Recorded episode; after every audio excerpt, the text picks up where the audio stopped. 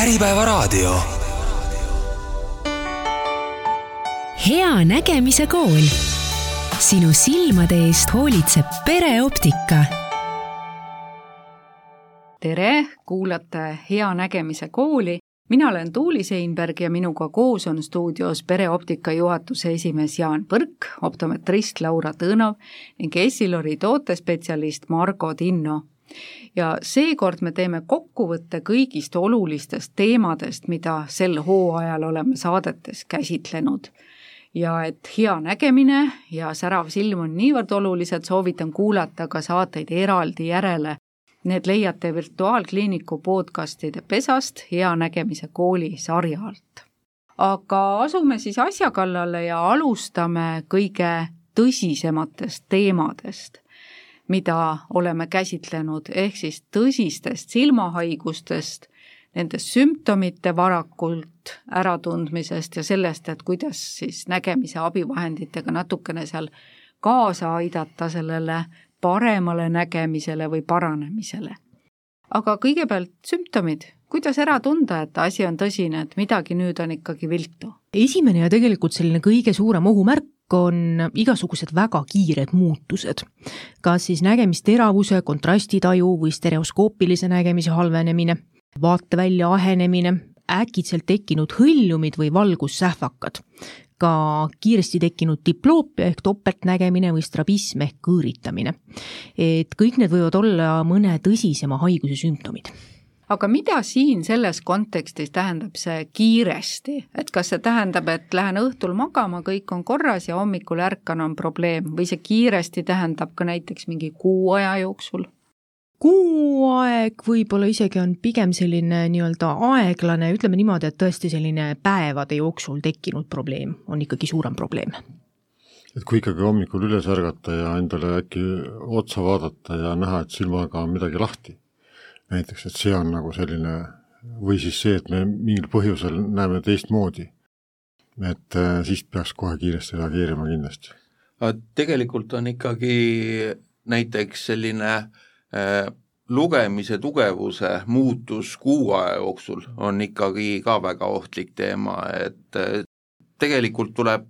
meie nägemist ikka vaadata kompleksselt, et äh, kõige otstarbekam on nägemist kontrollida, astuda sisse prillipoodi, kuulda, et teiega on kõik korras, vaadata, kas seal prillipoes on midagi uut, mingit ilusat prilliraami ja, ja tunda ennast hästi ja,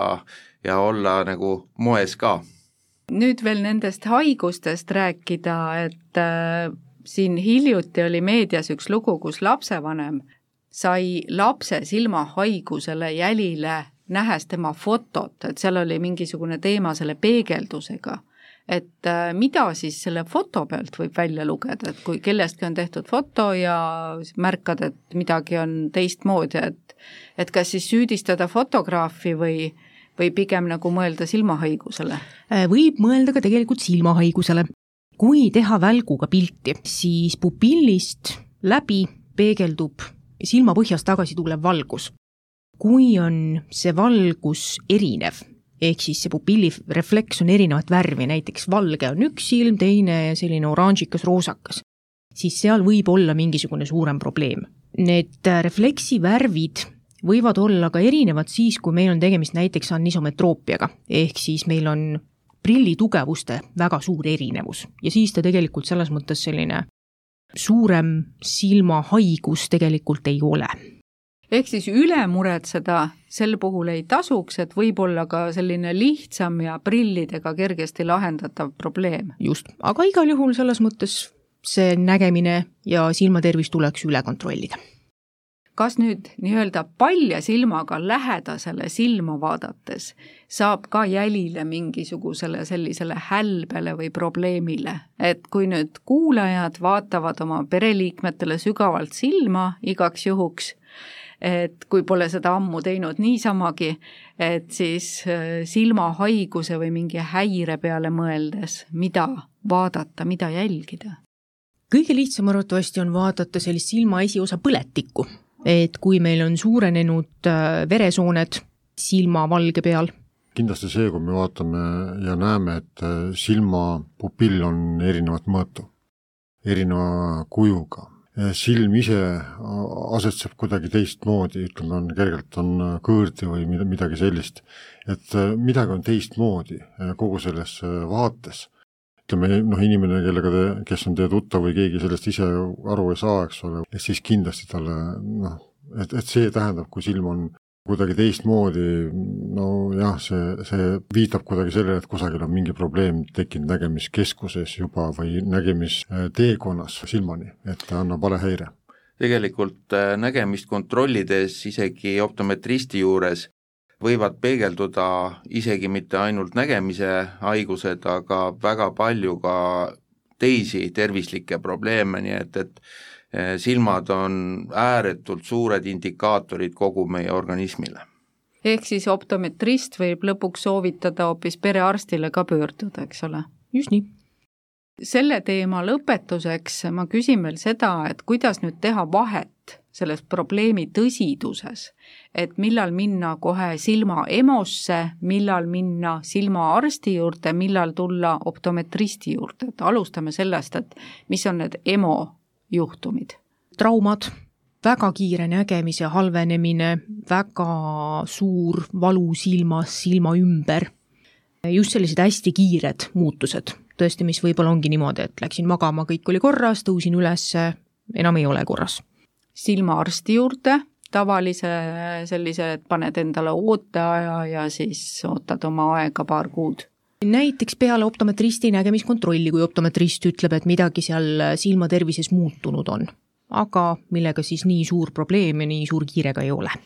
jah, prillipoodidesse on praegu ikkagi märksa lihtsam saada silma ülevaadet tegema kui silmaarsti juurde. kui on mingi mure, arutada meie optometristidega ja kui on rõõmud, siis tahaksime neid jagada ehk siis optometrist saab teha sellise, nagu meditsiinis öeldakse, triaaži et vot selle probleemiga mine silmaarsti juurde, sellega mine nüüd jooksuga EMO-sse, sellega mine võib-olla perearsti juurde. just nii. suurepärane. võtame nüüd ka need nägemise abivahendid, et meil oli üks selline põhjalikum saade ka sellest, et kuidas nende tõsisemate silmahaiguste puhul siis kasutada erinevaid prille, mis natukene siis seda raskust leevendavad, et siin oli juttu glaukoomist, ja veel ka siis äh, kollatähni kärbumisest, et tuletame selle ka meelde, et siin oli vist toonitud klaasid või mis siin abiks võiks olla? jah, et erinevad siis äh, nägemislahendused, kas siis prillid, toonitud klaasiga, päikeseprillid, mingisuguse spetsiifilise tooniga, spetsiifilise töö jaoks, kui on nägemine, nii-öelda nägemiskadu olemas, luubid, teleskoobid, väga hea koht, valgustus on kindlasti väga tähtis midagi veel klaaside kohta täpsustaksid? klaaside kohta see, et, et kui inimesel on tekkinud mingisugune nägemisprobleem äh, konkreetse mingisuguse tegevuse juures või mingi kauguse juures, eks ole, et siis äh, on olemas klaasid, eks ole, mis annavad äh, erinevatele distantsidele erinevad nägemisvõimalused inimesele tagasi, kui need kaduma on läinud mingil põhjusel. ja see, et ütleme, tänapäevastel Eesti läätsetel vähemalt on läätsed kaetud ja ka ütleme, läätse sisu on selline, et ta aitab meid sinise valguse sellise intensiivsema energia puhul ja, ja uue kiirguse puhul, et ütleme nii, et spetsiaalsed lääsed kõik on äh, spetsiaalsete katetega, spetsiaalsete kaitsetega, et tänapäevane ütleme, optika olukord on selline, kus kohas ikkagi mõeldakse selle peale, et inimese selline nägemisreserv oleks võimalikult pikaajaline tegelikult optikaga saab juba alates lapseeast äh, lausa nägemist parandada, et et selle aasta uudis olid meil müoopia raviks mõeldud prillid, väikelapsi saab mõjutada suurest miinusest äh, lahti saama, tegelikult on olemas peavalu tõrjuvad prilliklaasid ehk äh, seal värvitoonidega suudetakse peavalu leevendada ja võib-olla kõige tähtsam prilli omadus on silmade kaitsmine tegelikult tuule ja, ja lendavate osakeste eest, et see on ääretult suur tähtsus päikseprillil ja väga heal päikseprillil, et päikese kahjulik mõju pluss tuule kahjulik mõju on silmale saanud siis prillidega kaitse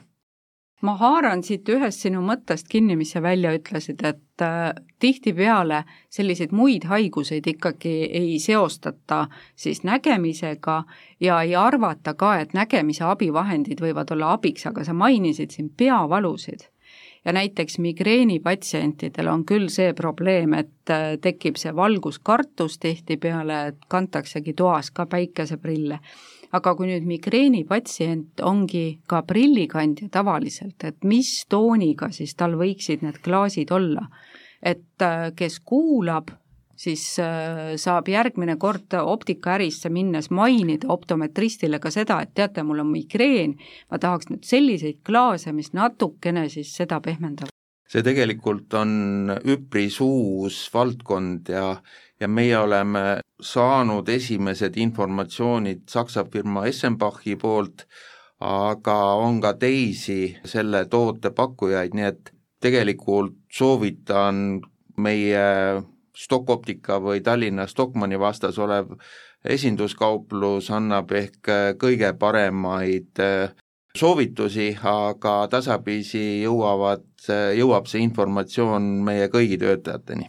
noh, siin on võib-olla see komponent ka oluline, et kui inimese peavalu selliseks äh, käivitajaks on mingisugune valgussaisting, mis on intensiivne, et siis tal võib olla noh, vajalik erinevat äh, värvitooni filtrid, mis temale just mõjuvad nii et, et, et see on selline natukene katse-eksituse meetod. peavalu jaoks on niisugune lillakas toon ja,. jah, et üldise sellise migreeni, eks ole, jaoks, kui, kui tekib mingil põhjusel, see päris täpselt ei ole aru saada, mis põhjusel migreen tekib, et siis on selline lillakas toon jah, soovituslik, aga, aga ütleme, et kui kui valgusintensiivsus on, on see käivitaja, et siis no seal peab lihtsalt valima sellise meeldivama variandi inimese jaoks, mis talle meeldib. Ja võib-olla siin on hea sellest polariseeritud klaasist mm -hmm. rääkida, et et tegelikult autojuhtidel on äh, suurepärane abivahend äh, väsimuse vastu tegelikult polariseeritud prilliklaasid, ta vähendab seda pinget äh, ja ja annab võimaluse selgelt ja kontrastselt näha, et, et ääretult hea abivahend aga selle väsimuse juurest lähemegi edasi nüüd, et meil oli üks põhjalik saade ka arvutitööst, silmade väsimisest ja seal olid kaks huvitavat teemat, et üks oli see, et on olemas eraldi siis kuiva silma sündroom ja siis on olemas lausa arvuti vaatamise sündroom. et selle järgi võiks arvata, kuidas see kõlab, et see on see sündroom, et kui sa unustad ennast arvuti taha istuma ja siis oledki seal kaksteist tundi järjest. Veidi võib-olla nii on, jah. tegelikult on niimoodi, et äh, kuiva silma sündroom ei ole enamasti eraldi selline silmahaigus, vaid ta kaasneb erinevate üldhaiguste, silmahaiguste või siis ka tõesti keskkonnast tingitud selliste nii-öelda eripäraga. ja üks eripära on ka siis arvutitöö. arvutitööl tegelikult üks põhiline sümptom ongi see kuiva silma sündroom, lisaks ka mingisugused näiteks äh, pingepeavalud, äh, sellised sundasendid arvutitööl, silmade hästi kiire väsimine, sellised asjad aga mida seal nüüd siis saaks teha, et seda leevendada? kõige parem on kindlasti, kõige lihtsam variant on korralikud pausid, ehk siis see kakskümmend, kakskümmend, kakskümmend reegel, mis on siis kakskümmend minutit, mis me veedame arvutis, peale seda kakskümmend sekundit vaatame kahekümne jala ehk kuue meetri kaugusele. väga tähtis on ka korralik valgustus, et kindlasti mitte nii-öelda hämaras veeta väga kaua arvuti taga ka korrektsioon sinna lähidistantsile, kui seda vaja on. Ja siin oli ka klaasidel olid omad soovitused, et jällegi selle sinise valguse kaitsed, eks ole, see on vist juba tänapäeval nii iseenesestmõistetav, et kes arvutitööd teeb või on neid ka, tegelikult ei, ei ole iseenesestmõistetav, et need äh, eelmise põlvkonna tooted, mis äh, odavalt kuskil lettidel müüakse, et et ei ole seal nendel ei sinise valgusega ega ultraviolettkiire vastaseid kaitseid, nii et kui selline asi nagu korraks ette panna ja vaadata mõnda hinda või, või tõmmata mingisugust joont täpselt, et siis ei juhtu mitte midagi. aga kui nende prillidega teha arvutitööd, pingutada oma äh, nägemisaistinguid, et see teeb tegelikult tagasipöördumatud kahjustused. noh, siia võib veel lisada seda, et kui inimene ikkagi teeb äh, arvutiga mingisugust äh, tegevust pikema aja vältel, kas töö või hobi korras või, või, või midagi muud, et siis ta peab mõtlema selle peale, et, äh, et, et see asend on ikkagi selline, mis on tema jaoks kõige vähem energiat kulutav. ehk ergonoomika on nagu tähtis, peaasend on oluline, kui kaugel on, eks ole, monitor, millega sa sinna vaatad, et sul see peaasend oleks normaalne, et päris iga prilliga seda mõistlik teha ei ole, et äh, ta tekitab sellise üldise väsimuse ja võib ka tekitada pikema aja jooksul selliseid muid lihaskõõlusprobleeme ja, ja närviprobleeme, eks ole, nii et, et selles suhtes peab olema tähelepanelik. tegelikult siin võib-olla on oluline märkida ära nende kõige levinumate mitmevaateliste prillide ja arvuti taga töötamise mhm. probleemi, et, et see mitmevaateline ehk progressiivne prilliklaas on küll ääretult mugav kõikideks tavalisteks või normaalseteks elutegevustes, aga seal, kus kohas on näiteks väga pikalt vaja just nimelt arvutiekraani vaadata ja see arvutiekraan asub reeglina sellises keskdistantsil ehk silmadest umbes meetri kaugusel ja see osa on selles progresseeruvas prillis ikkagi küllaltki kitsas ala ja see vajab pea liigutamist, kaela liigutamist ja sellisteks pikkadeks töödeks siis arvuti taga, kui on ikkagi terve päev sellist äh, pingelist arvutitööd, me soovitame kindlasti spetsiaalseid tööprille. Ilmad on praegu väga ilusad, soojad ja isegi need, kes arvutitööd teevad, tunnevad väga suurt kiusatust koos oma arvutiga minna õue, seda mõnusat toomingate ja sirelite hõngu sisse hingata, linnu sidistamist kuulata ja samal ajal ikkagi tööd teha.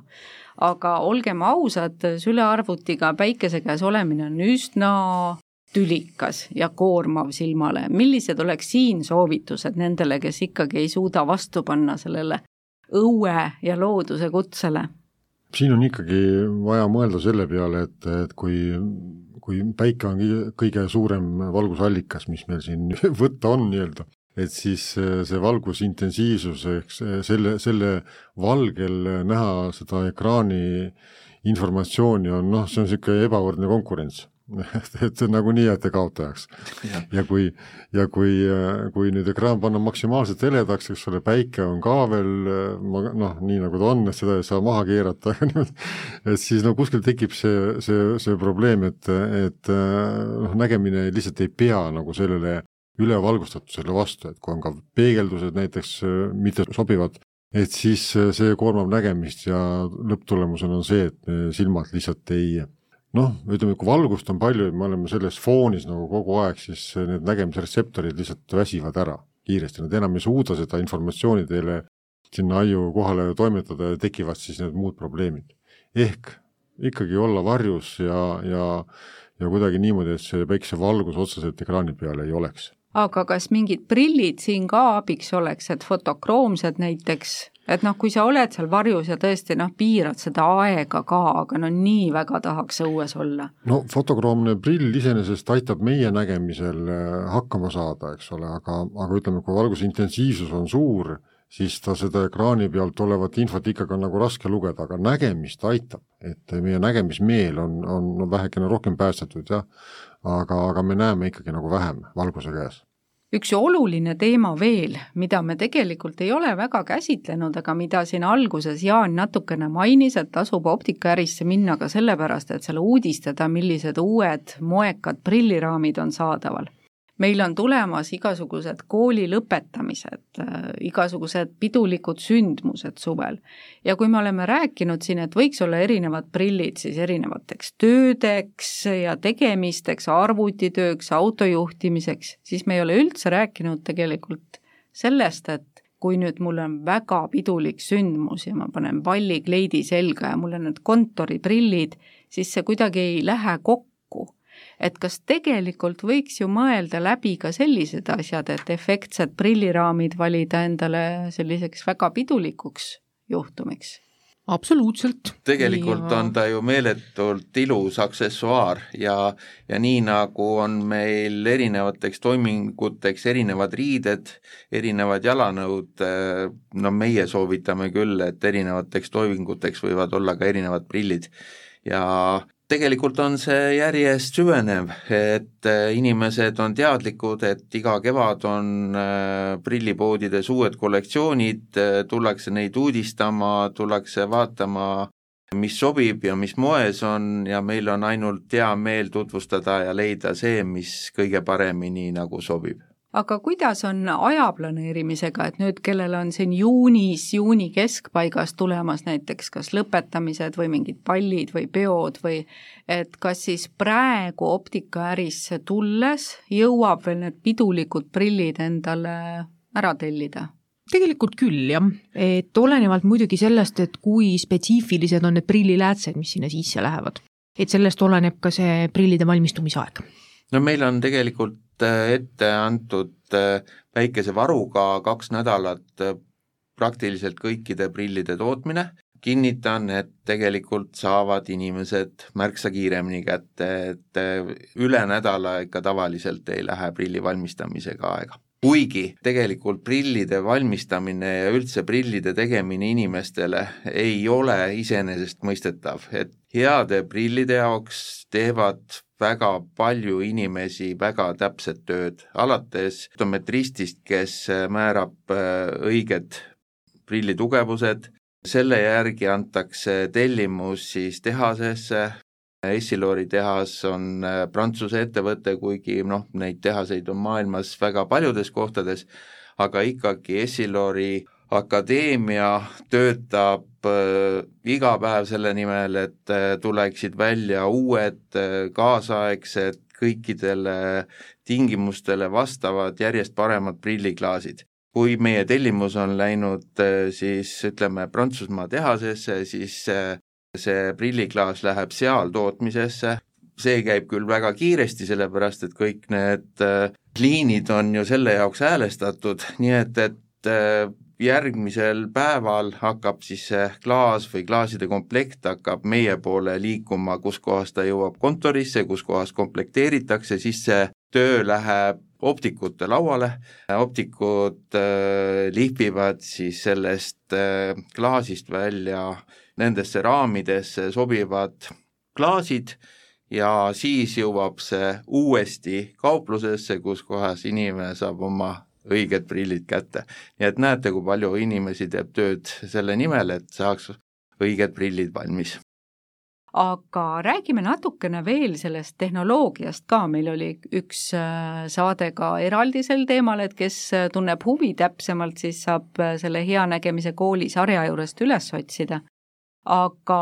mis tehnoloogiat see siis sisaldab, võiks arvata, et noh, raam ja seal sees on klaas, see on mingisuguse kumerusega, et näeks ühte või teistpidi paremini, mis, mis imet? tegelikult võib ka ju alustada sellest, et äh, ka prilliraamid iseenesest on oma, oma sellise sisu ja, ja valmistuse ja, ja kogu sellise selle tehnoloogia kasutuse poole pealt äh, väga mitmekesine, ehk äh, prilliraam peab olema selline, mis on äh, kerge, mugav, tugev, hoiab äh, läätse väga hästi selles raamis ja, ja ei tekita inimeses allergia mingisuguseid nähte ja, ja noh, terviseprobleeme. prilliläätsed iseenesest on, on sellised, millega parandatakse nägemist igal võimalikul moel. samamoodi on läätsede variandid sellised, kus äh, on, on suuremad ühendused ja, ja väiksemad ühendused, mis tähendab seda, et lääts ise on, on oma esteetilise väljanägemise poolest äh, võib-olla kaunim, aga noh, seal võivad tekkida sellised olukorrad, kus äh, ütleme, optika ei tööta võib-olla nii hästi, aga noh, ühendatud läätse puhul ikkagi makstakse lõivu selle esteetika osas. ja läätsede selline noh, erinevate tegevuste jaoks ja vajaduste jaoks see, see valmistamise ja väljamõtlemise osakaal, see, mis on see tehnoloogia, mis nagu läätsesse panustatakse iga indiviidi jaoks, tegelikult tehakse spetsiaalsed läätsed, siis tehakse nad paaris, nad käivad paaris läbi nendest töötlusetappidest, kus kohas lihvitakse läätse vorm selliselt, et see vastab inimese nägemisvajadusele. Kaetakse kihtidega, mis kaitsevad teda erinevate ütleme, olude eest, nii pannakse peale staatilised äh, kihid, et seda tolmu ei tekiks, et lääts oleks selge, siis pannakse kihid, mis võimaldavad äh, teda võimalikult hästi puhastada, et on libe, siis pannakse peale kihid, mis on peegeldumisvastased, et et see lääts oleks võimalikult läbipaistev, võimalikult väheste peegeldustega, nii et, äh, et läätse selline valmisolek sisaldab lõpuks ikkagi väga-väga palju tehnoloogilisi selliseid pisiasju, mis on olulised nägemise jaoks ja kõik see peab kajastuma lõpuks selles, et me näeme võimalikult hästi läbi läätse ja ta oleks võimalikult hästi käsitletav ja tegelikult lisaks sellele prilliläätsele samuti kasutatakse erinevaid tehnoloogiaid, et valmistada seda prilliraami. et alates sellest disainist, materjalide valikust, materjalide testimisest, et ta oleks hüpoallergiline, kerge, vastupidav ja nii edasi, et äh, ka see protsess, kuidas äh, meil prilliraamid valmivad, on tegelikult väga pikk protsess. jah, inimesed äh, võib-olla tajuvadki seda prillide sobivust esmaselt ju läbi selle, kuidas raam istub kuidas ta nina peal istub, kuidas ta kõrva taga istub, et võib-olla tuletaks meelde selle ka, et mida siin jälgida, et kui inimene proovib optikaäris ka seda raami, esialgu võib-olla noh, sa hoiad seda ees minuti ei saagi aru väga hästi, aga pikalt näiteks päev otsa olla sellise natukene ebasobiva raamiga, siis hakkab juba niimoodi koormama ja teist päeva enam näiteks ei tahagi enam seda prilli ette panna. et mida siis raami valikul jälgida? raami valikul võiks jälgida seda, et ta ütleme jälle sõltub sellest, et millised äh, klaasid või need läätsed sinna sisse lähevad, et kui on ikkagi suured numbrid, plussid või miinused, et siis ei ole mõistlik omale seda suurt raskust sinna nina peale nende klaasidega, eks ole, valida, ehk siis raami ava võiks olla optimaalne, nii et ta ei oleks mitte liiga suur nagu, nagu noh, liiga suur. muidugi suured on praegu moes on jah ja, ja., aga, aga tähtis on see, et äh, klient ja meie teenindaja avatud omavahel räägiksid, sest äh, me oleme tajunud probleeme sellest, et äh, inimesed on peale optik, optiliste klaaside raamidesse sissepanekut ja kättesaamist meie peale tigedad, et aga ta on hoopis teistmoodi istub kui see, mis ma, mida ma proovisin. no loomulikult, sellepärast et äh, seal on ju hoopis teised klaasid sees kui see, mis see demoklaas on. sellepärast tegelikult on ka hästi tähtis kuulata prillipoe teenindajate, optometristide nõuandeid, et võetakse arvesse esiteks seda, et mis tugevused on meil prilliretsepti peal, kui suur on klaasiava, mis on siis valitud raamil, kui suur on inimese silmavahe retsepti peal, et sellest kõigest olenebki see, et kuidas meil see valmis prill lõpuks välja näeb, kui mugavalt ta ka meil ees istub. siin tasub meeles pidada ka ühte sellist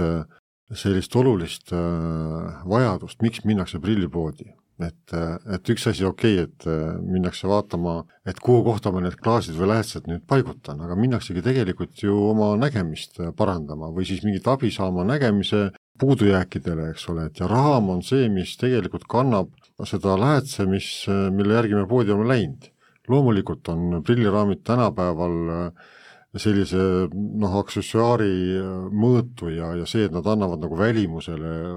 teatud äh, sellist äh, erisust, et me saame seda väga muuta, et kas me oleme ekstravagantsed või me oleme harmoonias kuidagi oma näoplaaniga või, või noh, mis me tahame nagu saavutada, et nii värvi, kuju kui, kui kõige poolest, et aga kõigepealt ikkagi nagu see lääts või see klaas, mis raamis sees on, see on nagu, nagu esmatähtis. Ja klientidega suheldes oskan välja tuua veel mõned sellised omapärad, et, et kui prillid määratakse mingisugusele kindlale kaugusele, siis tegelikult sellele kaugusele näeb. kui me teeme retsepti lugemisprillide jaoks, siis see retsept ei ole ei arvuti kaugusele ega äh, tänaval käimise prill ehk kauge, kaugele vaatamise prill, see on lugemise prill ja kui tahetakse, et äh, ühe prilliga näha erinevatele distantsidele, siis tuleb seda jälle kokku leppida. mul on vaja näha arvutisse, on vaja lugeda, selleks tehakse kontoriprill. kui on vaja näha tänaval, teha natukene tööd arvutis ja lugeda, selleks tehakse progresseeruv prill. aga ühe lugemisprilliga ei ole võimalik kõike seda kolme distantsi nagu rahuldada. Ma küsin huvi pärast, mitu paari prille sul on? ma korraga kannan ikka ühte prilli, et, et mul on see hea võimalus, et nii prilliraamide kui prilliklaaside tootjad tahavad et ma katsetaksin ja annaksin oma arvamust enesetunde kohta, kui ma neid asju kannan, nii et, et minul on võimalus nagu kanda palju erinevaid, nii et mul on palju prille selle teema juures hästi oluline on see ka, et tõepoolest õigel ajal oma need prillid välja vahetada mis on. Ja sellest me oleme ka ühe põhjalikuma saate teinud, et kuidas nüüd vaadata üle enda olemasolevad prillid, esiteks selle prilli klaasi ja raami kvaliteedi kontrolli mõttes, kui ka selles osas, et kas see nüüd mulle praeguse töö, elu ja minu praeguse nägemise juures sobib, ehk siis, et kas ma peaksin minema optikaärisse no eks kõige lihtsam asi, kuidas seda kontrollida, on kriimud prilliläätse peal või prilliraamide värvimuutus, ka seal mingisugused traumad, mingisugused kriimustused, mingisugused sellised äh, probleemid. et kui ikkagi ka klaasid kriimulised on, järelikult tuleks nad välja vahetada prilliraamid deformeeruvad, et äh, üks sang äh, on kõrgemal kui teine, sellega tegelikult lähevad tsentrid paigast ära ja ja juba on tegelikult tegemisel probleemid ja ja kui meie aistingud selle vale positsiooniga harjuvad, siis äh, on jälle õige prilli juures äh, probleem selle harjumisega, nii et, et meie nägemisel on võime kohaneda, aga see ei ole sellistes valedes tingimustes hea. just, et Jaan tõi välja hea, hea nagu detaili, et äh, optikamaailmas mõõdetakse silmi väga täpselt, et kuidas töötab parem silm, kuidas töötab vasak silm, kui kaugel on silm raamist, kas ütleme, silma, silm on natuke rohkem koopas sees, üks silm kui teine, neid distantse mõõdetakse, ehk et siin see, kuidasmoodi prillid ees istuvad koos nende läätsadega, mis sinna on määratud, ja nende katetega, mis, mis on inimesele vajalikud, et need peavad töötama noh, ta ongi nagu kompleksne selline seadeldis nii-öelda, mis nägemist parandab, ehk siis kõik need, need osad peavad olema kogu aeg nagu õiges kauguses, kohas ja, ja olukorras, et ta töötaks õigesti kui nüüd sellest raamide ehk siis prillisangade kõverusest rääkida veel, et kui on need kõrva taga siis eri kõrgusel, kas seda saab mingis osas optometristi juures veel korrigeerida? Absoluutselt, et kõik korralikud äh, optilised prilliläätsed äh, või prilliraamid on siis äh, nii-öelda siis loodistatavad mm. -hmm. et tasub ikkagi oma optiku juurest läbi minna siis? ja noh, siin on nagu see ka, et ega, ega ükski inimene ei ole niimoodi stambiga löödud, et, et kõigil on natukene on need kõrvad eri kõrguse, eri kauguse peal, ninad ei ole päris tsentris näoplaani, üldise näoplaani osas, silmad on eri kõrguse ja kauguse peal nii et, et, et see, et, et see töö vajab enne, kui need prilliraamid äh, lõplikult sinna klaasi sisse lähevad, äh, need prilliraamid vajavad nagu inimese näo järgi häälestamist, et see on hästi oluline, et seda teha oleks võimalik üldse. Et üks oluline teema, mida sa, Laura, ühes saates õpetasid, oli see, kuidas prillid õigesti eest ära võtta, just nimelt, et see raam ei painduks, et korda see ka palun üle et kõige tähtsam või kõige parem soovitus on ikkagi võtta prillid eest ära kahe käega ja tõmmata nad otse siis silmadest eemale. et niimoodi, et üks sang kuhugi kõrva taha ei jää. sest kui nüüd võtta ka ühe käega prill eest ära, siis lõpuks see nii-öelda välja veninud sang jääb sinna kõrva taha ka pidama, nii et ta tõesti võib ka sealt raami küljest lahti tulla kuna tegu on, on ikkagi raamiga, kus on klaasid sees ja kui meil need prilliraamid on väga hästi pähe häälestatud, ütleme, nad on, on nagu hästi kõrva taga, nad istuvad täpselt, nad on nagu fikseeritud, et siis neid sealt kätte saada ei ole ka teinekord väga lihtne ja kui me neid nagu vääname juba, eks ole, sellest tavast ühe käega kinni võttes ja, ja, ja teda jõuga nagu väänates, siis tekivad ikkagi deformatsioonid raami sisse ja iga, iga prilli juures olev nagu noh, materjal, nii prilli, prilli lähets ise kui ka raam äh, ajapikku väsivad, tekivad sinna mikropraod, tekivad sinna liitekohtades väsimised, nii et äh, see teeb lihtsalt kogu selle prilli lühiajalisemaks. Nii et, et mõlema käega eest ära ja mitte väänata. Võtame veel ühe väga olulise teema, eriti nüüd enne suvehooaega, see oli siis üks saade, kus me rääkisime ilmast ja silmast, et sellest, kuidas erinevate ilmastikuolude vastu silmi kaitsta, et jätame lume ja lörtsi vahele praegu, loodetavasti sellega enne järgmist sügist kokkupuudet ei ole, aga räägime veest ja räägime põgusalt ka valgusest. et päikesest me oleme nii palju rääkinud, et on, ma loodan, kõikidel kuulajatel selge, et päikese eest tuleb silmi kaitsta, päikeseprillid korralikud, millel on märgistused peal, et äh, muidu silm saab äh, vanaks enne, kui te ise seda endale tunnistada tahate või soovite. Aga mis on veel need olulised asjad, et alustame veest, et siin oli väga huvitavaid ja, ja selliseid hirmuäratavaid nüansse tegelikult. Kui me nüüd räägime näiteks äh, suvel rannas käigust ja siis veest, siis tegelikult on niimoodi, et UV-kiirgus, mis siis ongi see, mis meid äh, nii-öelda vanandab või meie rakke kahjustab, siis see UV-kiirgus peegeldab väga-väga palju vee pealt, nii lume kui vee pealt, mis siis tähendab ka seda, et rannas on eriti tähtis tegelikult seda silma kaitsta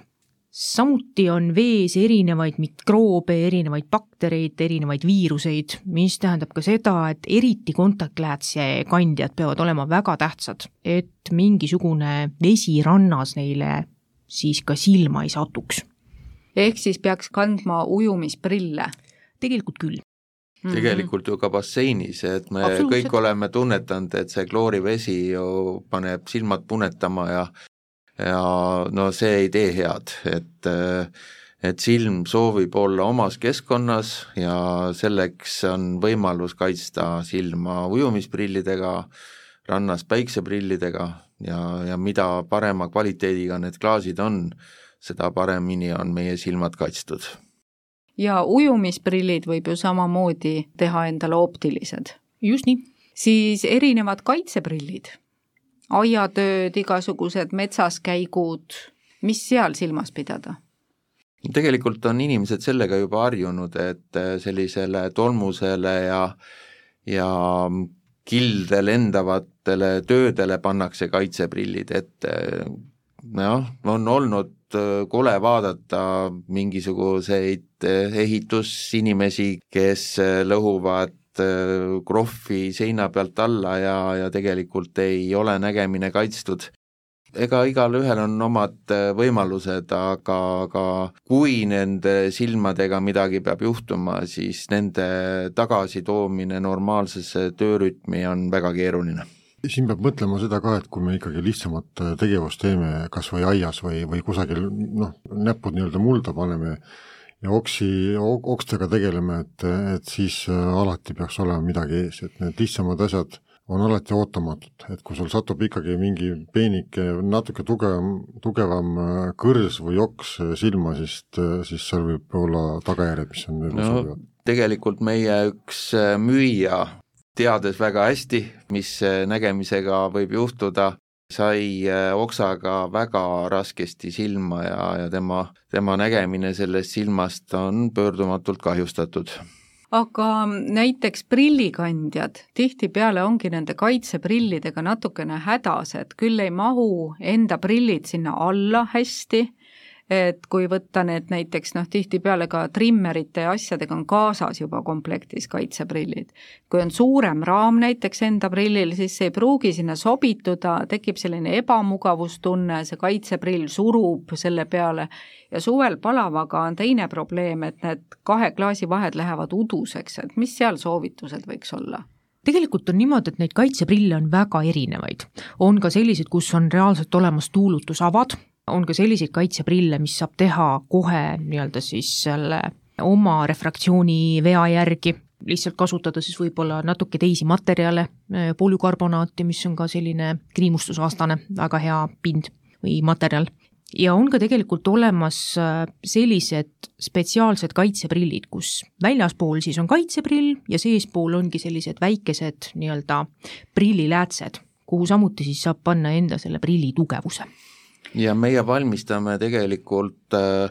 nii tavalisi kaitseprille, kus me paneme siin Eestis oma töökodades siis äh, ikka väga häid ja, ja polükarbonaadist äh, klaase sisse, aga samas ettevõtetel, kellel näiteks on vaja sertifitseeritud kaitseprille, et meil on koostöö ühe Taani sertifitseeritud siis tootjaga, kes valmistab siis nii optilisi kui ka tavapäraseid kaitseprille, mis on äh, kõikidele sertifikaatidele ja, ja olukordadele siis vastavad. ka Eesti Kaitsevägi kannab samasuguseid prille, nii et, et nad on tõesti kvaliteetsed seda on väga hea teada ja kindlasti enne suvila ja selliseid metsahooaegu tasub ka see aspekt läbi mõelda ja tõepoolest endale siis sobivad kaitseprillid teha. aitäh saatesse tulemast, aitäh kuulamast, see oli Hea Nägemise Kool ja soovime kõikidele siis head nägemist ja turvalist päikese ja soojuse nautimist. hea Nägemise Kooli saateid saate kuulata virtuaalkliinik.ee-st podcastide pesast ja seal on sari ka kenasti eraldi välja toodud Hea Nägemise Kool. head nägemist!